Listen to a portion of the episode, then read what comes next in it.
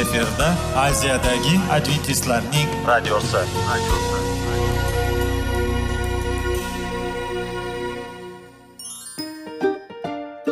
Assalomu alaykum aziz radio tinglovchilar. Sog'liq daqiqasi rubrikasiga xush kelibsiz. Zero tananing sog'lom bo'lishi va uning kasalliklardan saqlash har bir insonning burchi hisoblanadi. Inson uchun bebaho boylik bu sog'liq salomatlikdir. Uni asrash esa har birimizga omonat qilib berilgan. Shuning uchun ham inson o'z sog'lig'ini ehtiyot qilishi voajib amallardan hisoblanadi. Dono xalqimiz sog'liq tuman boylik deb bejiz aytmagan. Aql idroq sohibi bo'lgan inson o'z hayotini qadrlashi lozim bo'ladi. Hozirgi kunda qanchalik dori darmonlar ko'paymasin tibbiy muassa sifati shifokorlar vasiyasi tibbiy texnika yaxshilanmasin. Agar insonning o'z salomatligi haqida qayg'urmasa kutilgan natijaga erishib bo'lmaydi va biz sizlarga bizning dasturimizga xush kelibsiz deymiz.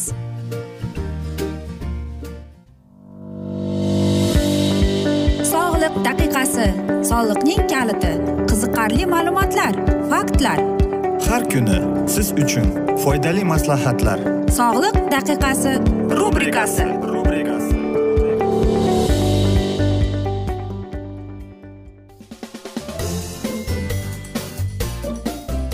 assalomu alaykum aziz radio tinglovchilar. Dasturimizga xush kelibsiz. Va biz sizlar bilan tana va sog'liq degan dasturda xush vaqt bo'ling deb aytamiz. Va albatta bugungi bizning dasturimizning mavzusi yurak atrofidagi og'riqning sababi nima deb nomlanadi? Albatta insonning har bir insonda yurak og'rigan lekin buning sabablarini o'ziga topolmagan. Va bugungi bizning dasturimizda mana shu savolga javob berishga harakat qilib ko'ramiz. Va ba'zida shunday bir savollar keladiki yuragim va ko'kragim atrofida og'riq bo'lib turadi. Yaqinda yurak atrofidagi og'riqlarning hammasi ham yurak kasalliklaridan emas degan gapni eshitib qoldim deb. Albatta shundaymikan har bir kishi umrida bir marta bo'lsada ko'krak qafasida ko'kragida yoki yurak atrofida og'riq yoki yoqimsiz holatni his qilishi mumkin. Bu bezovtalik tanamizning eng muhim a'zosi yurak atrofida yuz berganligi tufayli xavotir olishimiz tabiiy. Lekin bu avval qayerdan kelib chiqadi? Qarang sanchiqli sichquvand simillashtiruvand yondirovchivan zeriktirgan qanday og'riqlar? Og'riq tananing ma'lum bir joyida yoki butun tanaga tarqalgan bo'lishi mumkin. Yelkada ko'krakda masalan chap qo'lda pastki jag'da qorinda paydo bo'lib bir necha daqiqa yoki bir necha soatlab hattoki kunlab davom etishi mumkin ekan. Qo'l qimirlaganda tana holati o'zgarganda yoki nafas olganda. E, bu zo'rayishi ham mumkin ekan. Ba'zi paytda ovqatlanganda tinch holatda jismoniy ish qilayotganda yoki hayajonlanganda ham og'riq paydo bo'lib qoladi. Buning sabablari albatta ko'p ammo lekin og'riq paydo bo'lishining sabablari juda ko'p. Yurak kasallaganda stenokardiya infarkt miokardi yurak shamollaganida revmatolog xastaliklar nevrozda ko'krak qafasi va qovurg'alar shamollaganida. Oshqozon va ichak kasalliklarida esa og'riq yurak atrofida va kurak atrofida sezilib keladi. Va siz aytasizki yurak nega og'riydi deb buning sababi nimada deb. Yurak og'rig'i ikkita asosiy guruhga bo'linar ekan. Bunga yurakning ishemik kasalliklari va kardialgan ya'ni kardialgiyalar yurak shamollash orqali yuzaga kelgan.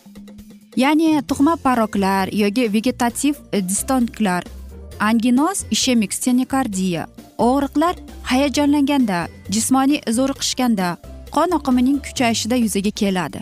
Shuning uchun bu og'riq yurganda hayajonlanganda asabiylashganda paydo bo'ladi va bu holatda shifokor bilan maslahatlashib tezda nitroglitserin qabul qilishni kerak.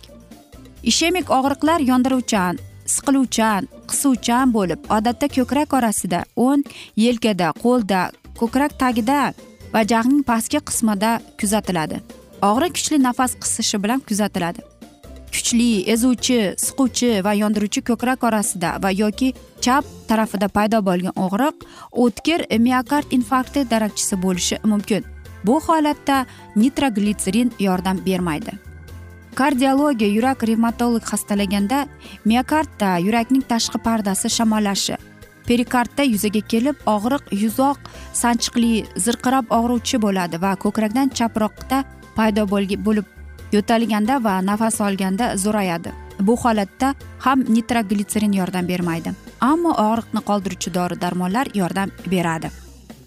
Agar yurak atrofidagi og'riq tana egilganda yoki burilganda chuqur nafas olganda nafas chiqarganda qo'llar harakatlanganda paydo bo'lsa nitroglitserin va validol yordam bermaydi. Chunki bu radikulit va qovurg'alarning kasallanganligi bo'lishi mumkin. Ruhiy zo'riqish ruhiy tushkunlikka og'riq bo'yin va yelkada bo'ladi. Bunda yuragim og'riyapti shekilli deb kardiologga murojaat etgan bemorni tinchlantirib va boshqa mutaxassislarga uchrash tavsiya etiladi. Xuddi shunday och qolganda yoki ovqat yeganda og'riq bo'lsa bu oshqozon. Yoki oshqozon osti bezi kasallikning belgisi bo'lishi mumkin. Og'riqning sababi umurtqa pog'onaning ko'krak qafasi kasalligi yoki osteoxondroz ham bo'lishi mumkin ekan. Yurak og'riqning sababini qanday aniqlasa bo'ladi deymiz. Bu albatta elektrokardiogramma yana stress jismoniy zo'riqishdagi ekg ko'rigi va sutkali holter monitoring bor. Yoki aytaylik fonokardiya usuli yurak shovqinini tekshirish uchun exokardiya ham usuli bu yurak mushaklarini ultratovush yordamida tekshirib yurakdagi qon oqimining tezligini aniqlab beradi. Va koronografiya usuli koronar arteriya holatini tekshirib keladi. Masalan miokard e, stenokardiya usuli yurak mushaklaridagi qon yetishmovchilikni aniqlaydi.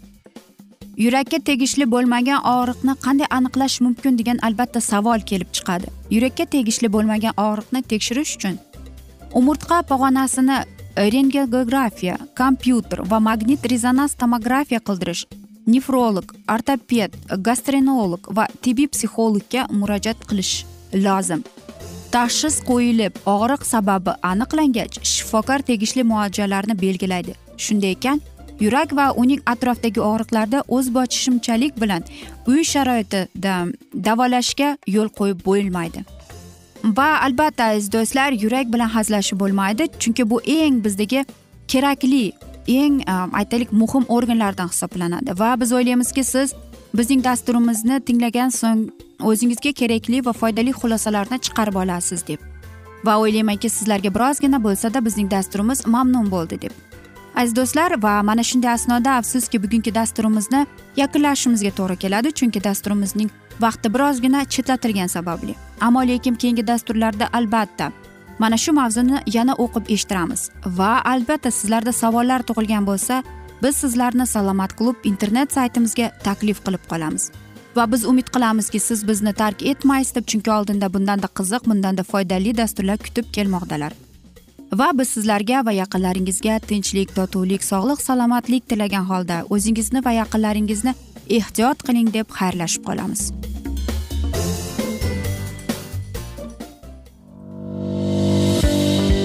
Sog'liq daqiqasi soliqning kaliti qiziqarli ma'lumotlar faktlar.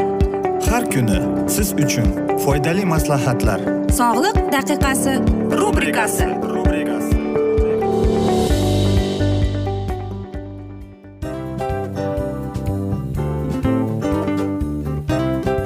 mana ha hayotda hamma narsaning yaxshi narsalar tugaydi va yakunlaydi degandek bizning dasturimizga ham yakun keldi. O'ylaymanki bizning dasturimiz sizga foydali bo'ldi deb aziz radio tinglovchimiz. Va siz o'zingiz uchun kerakli xulosalar kerakli maslahatlar olib oldingiz. Aziz radio tinglovchimiz biz bilan qoling va keyingi dasturlarimiz albatta undanda qiziqroq bo'ladi. Mana shu alfozda sizlar bilan xayrlashib qolaman.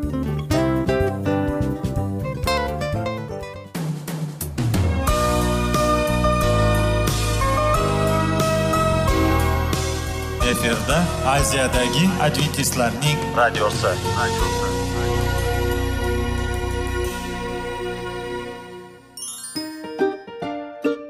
Assalomu alaykum aziz radio tinglovchilarimiz. Dil izhori dasturimizga xush kelibsiz. Pul insonni baxtli qiladimi? Albatta yo'q. Sog'liqchi. Albatta bo'lishi mumkindir. Lekin olimlar shuni isbotlashdiki to'liq va mukammal munosabatlar insonlarni baxtli qilar ekan. Albatta biz hayot davomida biz yaqin insonlar bilan odamlar bilan aloqada bo'lamiz va ular bilan munosabatlarimiz qanday kechadi qanday tuziladi? Yigit va qiz er va xotin ota ona va farzandlar va yaqin insonlar bilan. Balkim hozirgi vaqtda kimnidir hayoti yoki munosabatlari buzilyapti. Va bizning dasturlarimiz ularga yordam bo'ladi deb. Va oldinda sizlarni qiziqarli intervyular va mavzular kutyapti va biz umid qilamizki siz biz bilan qolasiz deb.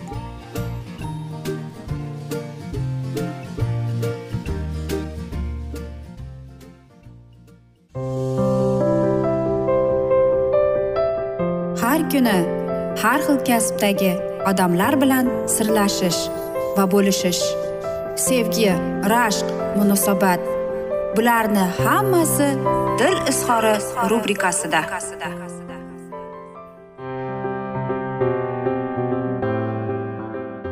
Assalomu alaykum aziz radio tinglovchilar. Dasturimizga xush kelibsiz va biz sizlar bilan erkaklar marsdan ayollar veneradan degan dasturda xushvaqt bo'ling deb aytamiz. Va bugungi bizning dasturimizning mavzusi yaxshi kayfiyatning har xil usulliklari deb nomlanadi. Aytingchi siz nimadan xursand bo'lasiz? Yoki sizni nima xursand qiladi? Yoki kayfiyatingizni nima ko'taradi? Albatta ko'plab erkak va ayollar mana shunday o'zlarining kayfiyatini har xil usullar bilan ko'tarib kelar ekan. Ayollar stressga duch kelganda ular o'zlarini yaxshi his qiladi va ular o'zlaridagi bo'lgan muammolarni qiyinchiliklarni gaplashayotganda ularning kayfiyati ko'tarilib kelar ekan. Erkaklarimizchi? Keling. Sizlarga birozgina bir ikkita misol qilib keltiramiz. Qanday qilib ayollarimiz o'zlarining muammolari bilan bo'lishib qanday qilib ular o'zlarining kayfiyatini ko'taradi? Albatta biz o'ylaymizki balkim shunday bo'lishi mumkin emas deb. Qarang sizlarga bir er xotinning misolida sizlarga qanday qilib kayfiyat ko'tarish usuli haqida aytib beramiz. Aytaylik qaysidir bir ma'noda shahzoda o'zining bolalarini bir klubga yozibdi ya'ni cho'milishga suzuvga. Va u bir blankni izlashga ketibdi. Va mana shu blankani izlab u judayam o'zida shubha tug'ilib qolibdi qanchalik ular eri bilan hozirgi vaqtda mana shu narsalarni to'la oladi deb. Albatta balkim shundaydi deb. Agar masalan u mana shu narsani birozgina kechiktirsa nima bo'ladi deb? Va ko'plab narsalarni ko'rib shahzoda shunday narsani tushundiki ularga aytaylik katta baho kelgan ekan narx kelibdi. Bir narsani to'lashga. Va albatta u mana shu narsani eshitib g'amga tushib qoldi va u jiddiy o'ylanib qoldi. Umuman olib qaraganda men bolalarni suzishga yozishga to'g'ri qildimmikin deb. Buning orasida uning turmush o'rtog'i ishdan kelib ketadi. Va u ko'radiki uning turmush o'rtog'ining kayfiyati yo'qligini va uning turmush o'rtog'i shahzoda aytadi. Bilasanmi bugun menga mana shunday hisob jo'natishdi paloncha pulni to'lashimiz kerak ekan deb. Men bilmayman qanday qilib biz buni to'la olamiz deb. U javob beradi. Biz hamma narsani undaymiz. Bizning qo'limizdan keladi deb. Faqatgina birozgina vaqt kerak deymiz. Aziz do'stlar va biz o'ylaymizki mana shu kichkinagina muammo katta muammoni tug'dirib keladi deb o'ylamaymiz. Va shunda uning turmush o'rtog'i shahzoda aytadiki biz yaxshigina ya'ni pulni qarzdor ekanmiz deb. Qanday bo'lishi mumkin? Va u mana shu asnoda uning turmush o'rtog'i aytadi sen xavotirlanma bizda hali o'n kun borgin deb. Qarang mana shu asnoda uning turmush o'rtog'i g'azabga keldi.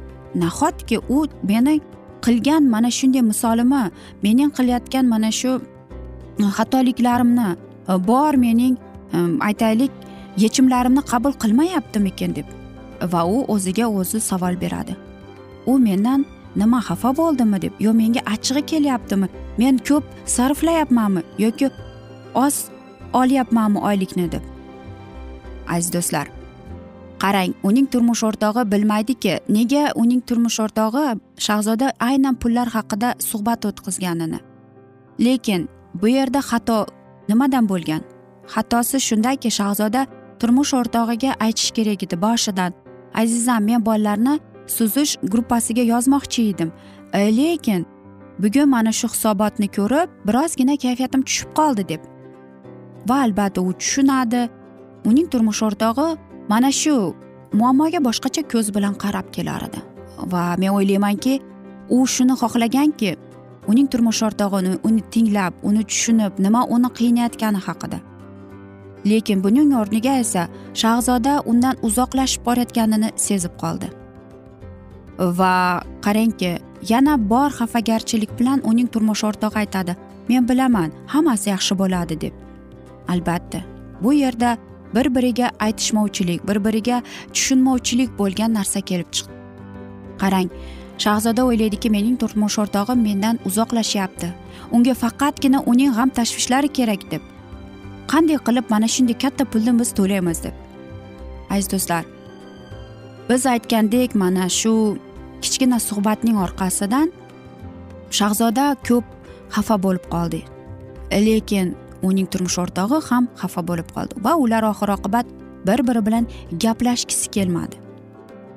Albatta biz boshida aytganimizdek ular boshida ashu shahzoda aytish kerak edi. Mana shunday bo'ldi. Nima qilaylik? Qanday yechim topaylik? deb. Va oxirida aytish kerak edi. Men umid qilamanki biz bolalarni suzuv klubiga berishga qodirmiz deb. Mana shunday so'zlardan boshlaganda balkim ularning mana shunday kichkina xafagarchiligi va muammosi yo'q bo'lib ketar edi. Biz mana shunday misolda sizlarga ko'rsatmoqchi edikki qanday qilib uning turmush o'rtog'i shunday o'zi uchun sirni ochdi? Qanday qilib u mana shu suhbatni davom ettirishga? Albatta eng katta sir bu to'g'ri tinglashdir. Qanchalik bu san'at deb aytgan edik. Bunga vaqt kerak. Shahzoda ham judayam o'rganish kerak edi tinglashni. Bu ham eng katta xatoga yo'l qo'ygan bo'lar edi. Aziz do'stlar shuning uchun aytamiz bir biringiz bilan bo'lishing sirlashmang deb. Va faqatgina shunda siz bir biringizni tushunib bir biringizdan mana shunday muammolar kelib chiqmaydi deb va bir biringizdan xafa bo'lmaysiz deb. Aziz do'stlar mana shunday asnoda biz afsuski bugungi dasturimizni yakunlab qolamiz chunki bizning dasturimizga vaqt birozgina chetlatilgani sababli. Ammo lekin keyingi dasturlarda albatta mana shu mavzuni yana o'qib eshittiramiz. Va biz umid qilamizki siz bizni tark etmaysiz deb chunki oldinda bundanda qiziq va foydali dasturlar kutib kelmoqda. Va biz sizlarga va oilangizga tinchlik totuvlik tilab yuzingizdan tabassum hech ham ayrimasin deb o'zingizni va yaqinlaringizni ehtiyot qiling deb xayrlashib qolamiz.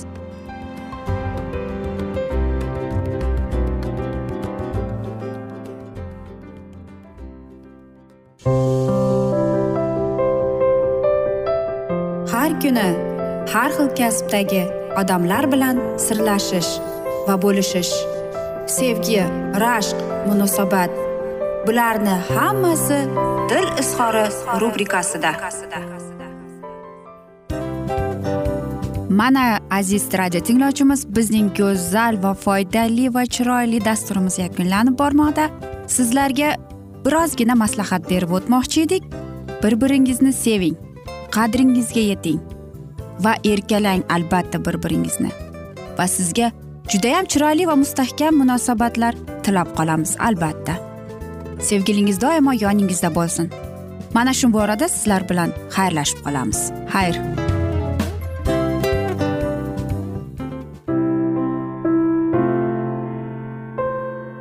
Hayotning noni. Qiziqtirgan savollar va javoblar. Buning hammasi ko'ngil uchun oziqa rubrikasida.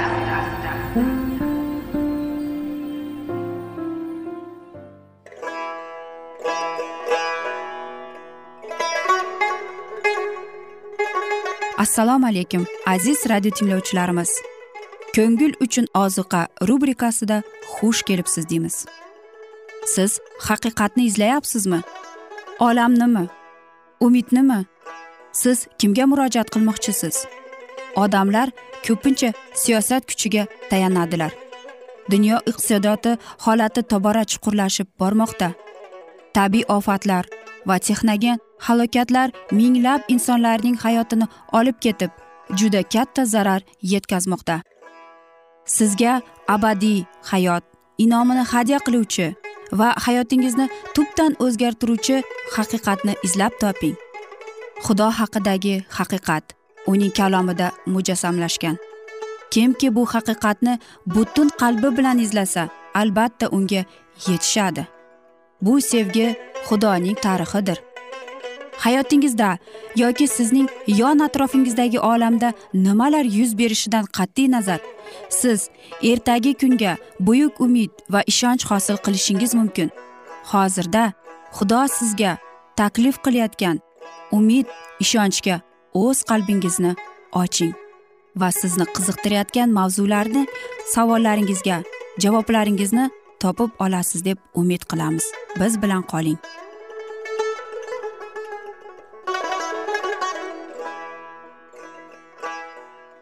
Assalomu alaykum aziz radio tinglovchilar. Dasturimizga xush kelibsiz va biz sizlar bilan ulug' kurash degan kitobni o'qib eshittirishni boshlagan edik.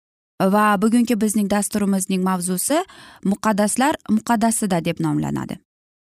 Ana shu xizmat yakunlanganda masih izdoshlari uning kelishiga tayyor bo'ladilar.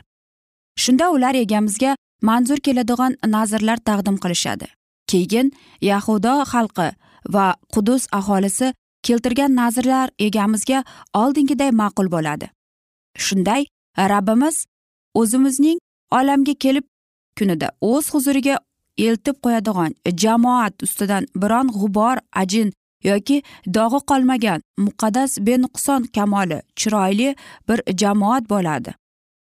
Shunda jamoat nigohlari tongday o'zi esa to'lin oyday go'zal quyoshday yorqin bayroqlari ko'tarilgan qo'shinday savlatli bo'ladi. Rabbiyning mabatga kirishdan tashqari payg'ambar malaka masih hukm qilgani kelishi uning olamga ikkinchi bor qaytishi haqida ham karomat qilgan. Sarvari olam shunday deydi shundagina men hukm qilgani oldingizga boraman. Mendan qo'rqmaydigan hammaga sehrgar zinokor yolg'on qasam ichganlar mardikorlarning ish haqqini ushlab qolganigan yetim va bevalarni ezuvchilarga va musofirlarni turtkilaganlarga qarshi tezda guvohlik beraman deydi. Yahuda quyidagilarni gapirganida u ham xuddi o'sha hodisani nazarda tutgan. Xudovand son sanoqsiz azizlari bilan kelib butun odamzod ustidan hukm qilgay. U fosh qilgay oralaridagi barcha gunohkorlaru xudodan qo'rqmay yomonlik qiluvchi barcha betafiqu shaqqoqlarni bunday kelish va rabbiyning o'z mabadiga kirishi mutlaqo turlicha hodisalardir. Doniyor kitobida tasvirlangan masihning oliy ruhonimi sifatida mabadni poklash uchun muqaddas makonga kirishi o'sha kitobda u osmon bulutlarida azaliy nuroniy oldiga kelayotgan haqida o'qiganlarimiz malaki bashorat qilgan rabbiyning o'z mabadiga kirishi bularning hammasi bir hodisaning ta'rifidir. Bu holat yana kelinning o'n dugunasi haqidagi masih masaladagi quyoshning to'y marosimiga kelishi orqali ham tasvirlangan. bir ming sakkiz yuz qirq to'rtinchi yilning yozida va kuzida ana kuyov kelyapti degan xabar e'lon qilindi. O'shanda kelinning ovsar va es xushli dugonalari sifatida odamlarning ikki toifasi aniqlandi. Kimlardir xursandchilik bilan rabbiyning kelishini kutib unga peshvoz chiqishga tayyorgarlik ko'rdi. Boshqalar esa qo'rquv va bir lahzalik jo'shqinlik ta'sirida faqatgina haqiqat nazariyasi bilan kifoyalandilar. Ammo xudoning huzur halovatidan mahrum bo'ldilar. Masalada aytilishicha kuyov kelganda tayyor turganlar kuyov bilan birga to'yxonaga kirib oladilar. Kuyov kelishining tasviri bu yerda to'ydan oldin yuz beradi. To'y masih tomonidan o'z shohligi qabul qilishi timsolidir. Shohlikning poytaxti va timsoli bo'lgan muqaddas shahar yangi qudus qo'zining kelini qalig'i deb atalgan. Farishta yuxonaga dedi bu yoqqa kel qo'ziga kelin bo'ladigan ayolni senga ko'rsataman. Farishta meni dedi payg'ambar. Ilohiy ruhning ta'sirida baland yuksak bir toqqa olib chiqdida menga ko'kdan xudo huzuridan tushayotgan tabarruk shahar qudusni ko'rsatdi. Demak kelin muqaddas shaharni namoyon qiladi. Kuyovga peshvoz chiqqan qizlar esa jamoatning timsolidir. Vahiy kitobda aytilishicha xudoning farzandlari qo'zining nikoh oqshomida mehmon bo'ladilar. Agar ular mehmon bo'lsalar unda kelin tomonidan ham tanishtirmaydilar.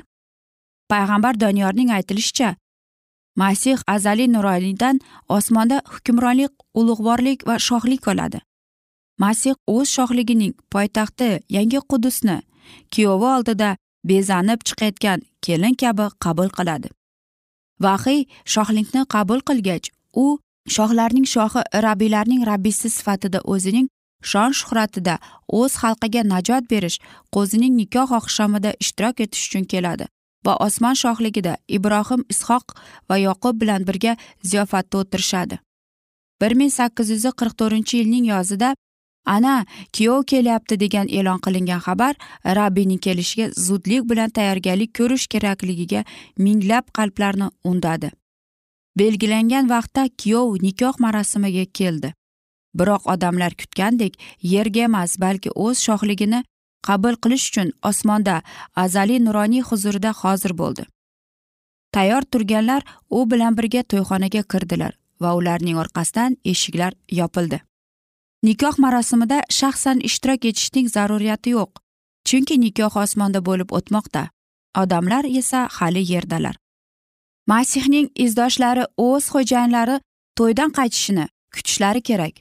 Biroq ular masihning xizmatida ekanligini tushuntirishlari lozim va ishonch bilan uning ortidan xudoning taxti tomon borishlari zarur.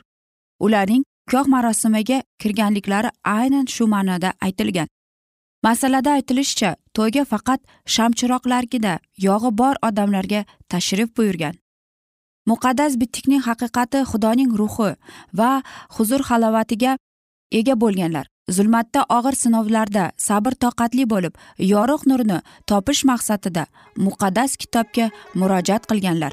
Samoviy mabad va najotkorning yangi xizmati haqidagi haqiqatni bilib oldilar. Ularning barchasi ishonch bilan masihning ketidan muqaddas makonga yo'l oldilar.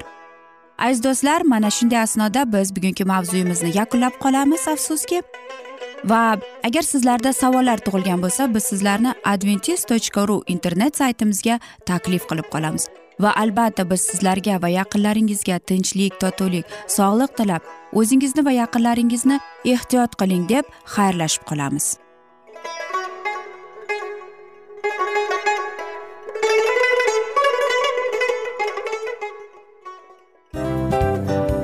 Hamma narsaning yakuni bo'ladi degandek afsuski bizning ham dasturlarimiz yakunlanib qolyapti.